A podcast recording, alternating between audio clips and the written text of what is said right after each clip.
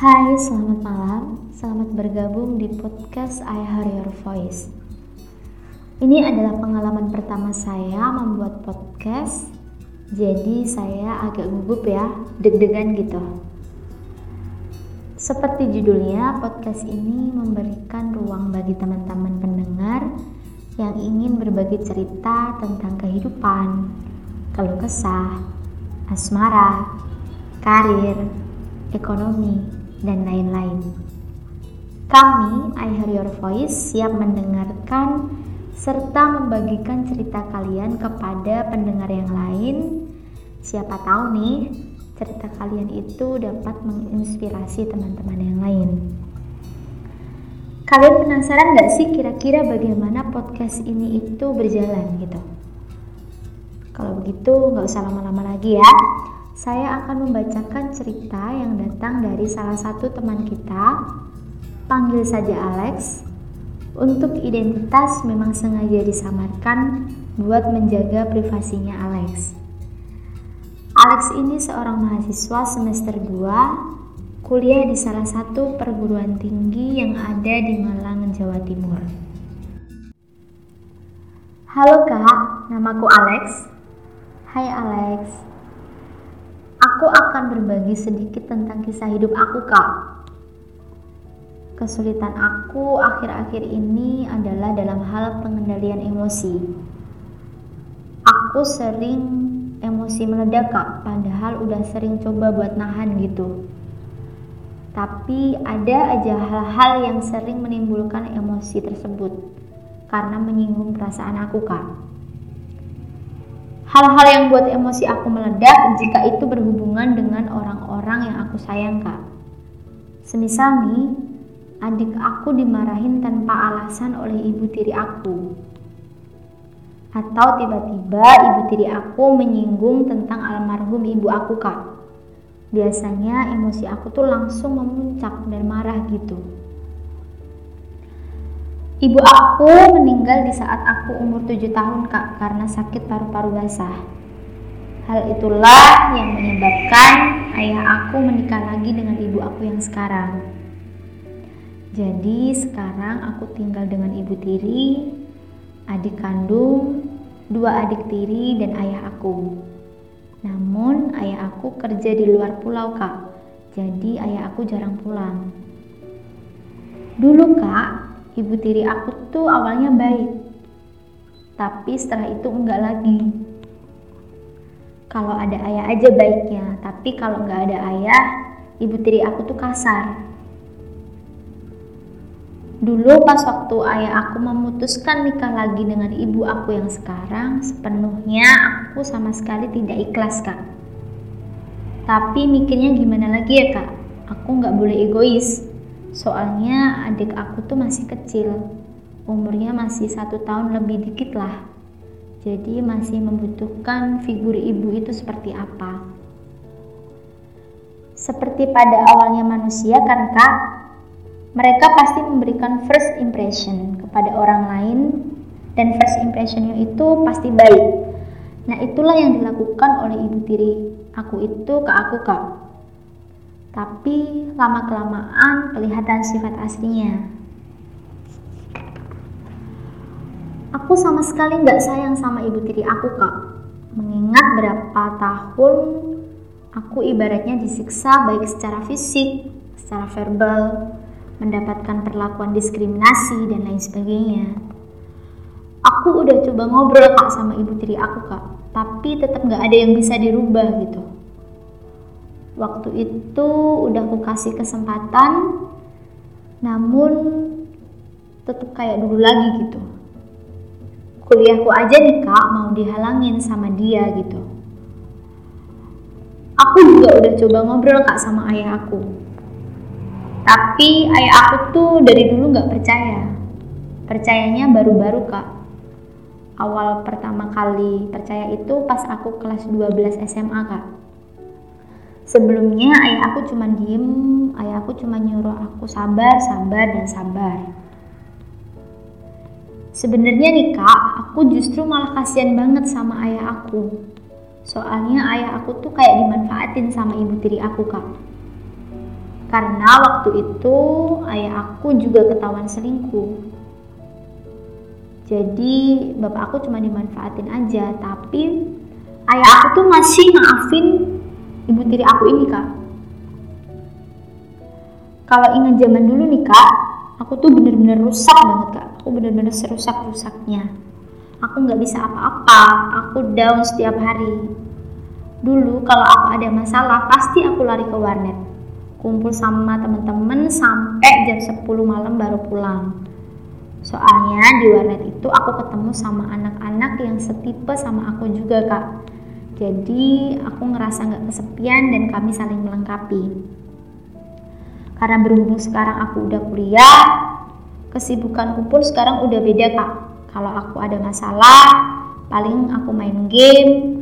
Kalau nggak gitu aku keluar sama temen buat diskusi atau sekedar aktif di kegiatan menulis kak. Kalau kesel atau marah ada dua pilihan kak. Aku tidur atau aku pergi kayak gitu dulu semasa SMA aku juga pernah mencoba self harm sih kak. Self injury gitu sama konsumsi obat berlebihan. Sengaja gitu. Aku uji coba buat bunuh diri kak. Hampir gitulah. Cuman selalu nggak pernah overdosis tapi akhirnya aku nggak mati-mati gitu kak. Tapi sekarang aku udah mikir kak. Kayak ngapain ya aku dulu begitu ya? Dulu tuh aku mikir kenapa sih Tuhan sejahat ini gitu sama aku? Kalau emang nggak suka sama aku kenapa sekalian nggak matiin aku aja? Kenapa sekalian nggak bunuh aku? Apalagi juga waktu itu aku benci banget sama ayahku karena ayah aku tuh bener-bener buta nggak pernah percaya sama aku. Jadi mikirnya aku nggak punya siapa pun nggak ada yang percaya sama aku nggak ada yang bisa dipercaya dan aku kesepian. Dan buat apa sih aku lanjutin hidup kak? Hal yang bisa bikin aku nggak ngelakuin self harm lagi kak adalah janji aku ke almarhum ibu sih. Aku udah janji mau raih cita-cita aku sebagai guru kak. Karena ibu aku udah meninggal gak ada yang support aku lagi kak. Tapi ada satu orang yang selalu support sekarang ini sahabatku dari kelas 3 SMP sampai sekarang dia sama ibunya dulu yang ngobatin aku kak beliau ini yang care sama aku yang peduli sama aku sehingga aku bisa sembuh dari penyakit aku kak Dulu aku setiap hari, setiap dua jam sekali muntah. Kadang aku muntah campur darah. Kadang kalau malam aku capek pasti mimisan. Berlangsung selama kelas 12. Parahnya di semester 2 kak. Setiap Senin Kamis pasti nggak kuat buat sekolah. Karena di rumah tuh nggak ada lauk sama nasi. Soalnya ibu tiri aku selalu makan di luar. Kadang aku nggak makan, dibawain pulang makanan pun nggak pernah gitu kadang kalau aku lapar banget aku pasti ke rumah nenek buat minta nasi kakak bisa percaya bisa enggak sih? Aku cuma dikasih uang saku 5000 sehari kak. Itu pun plus bensin. Dan kakak tahu ibu tiri aku bilang ke ayah aku aku boros sampai 30 ribu sehari. Tapi ayah aku masih baik. Ayah aku kadang diam-diam ngasih uang. Soalnya nih, kalau ketahuan ibu tiri aku, pasti uangku diambil. Aku pernah nabung gitu kan di celengan, eh kucek selalu hilang deh.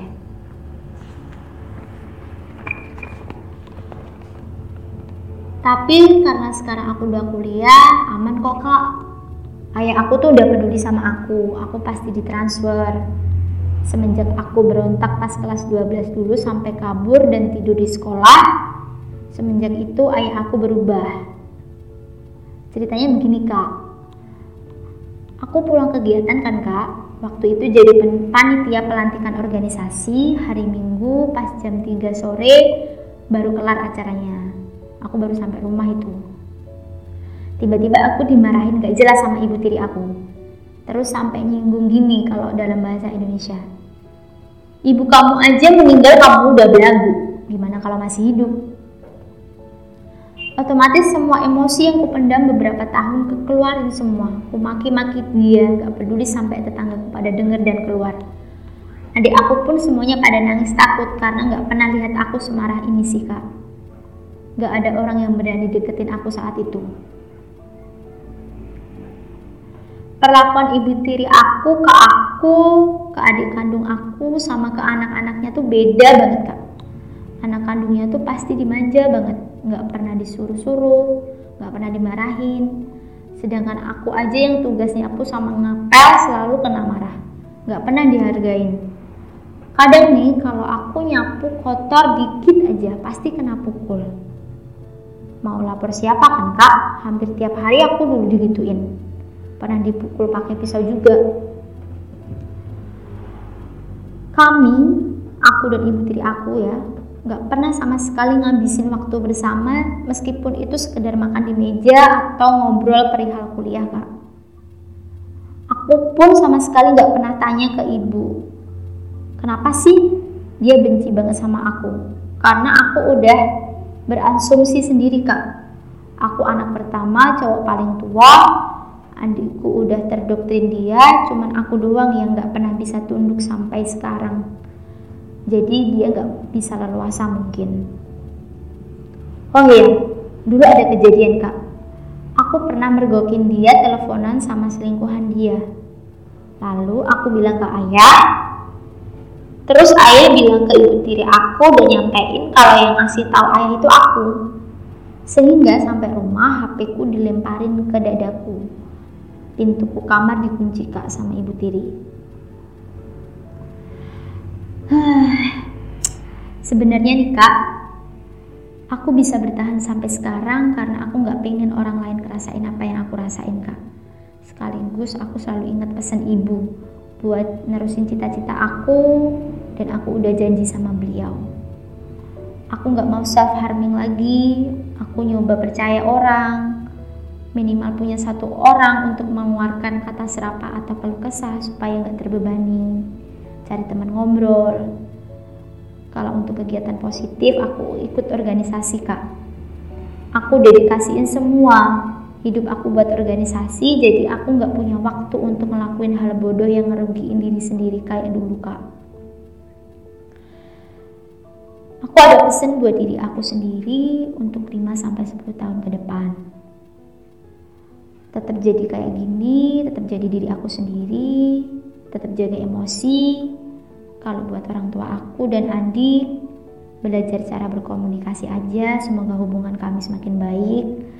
Kalau buat teman-teman, tetap semangat, jangan lupa jaga komunikasi, dan jangan sungkan untuk berbagi.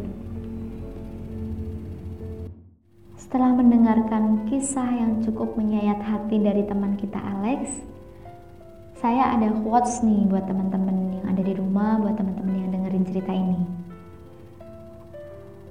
Orang yang melukai diri sendiri dengan menyayat atau melukai tubuh mereka biasanya tidak sedang mencoba untuk bunuh diri, tetapi itu merupakan strategi untuk bertahan.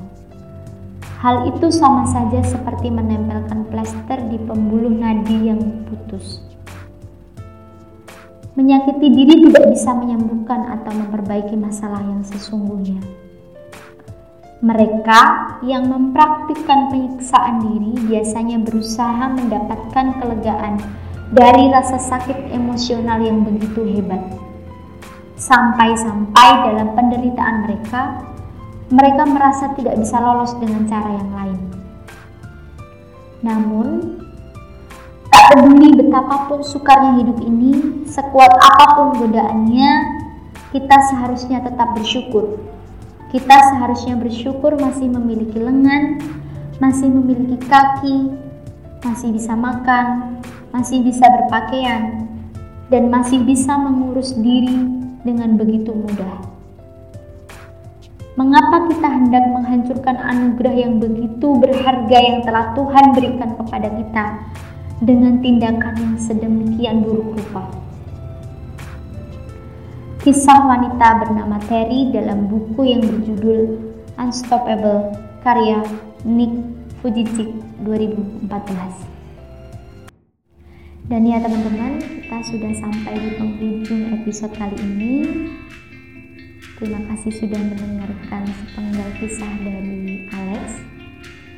Dan apabila jika teman-teman ingin bercerita tentang apa pun, bisa kirim ke alamat email kami ihearyourvoice at gmail.com Voice-nya ingat juga ya. Sekian dan sampai jumpa di episode selanjutnya. Inilah I Hear Your Voice. Selamat malam.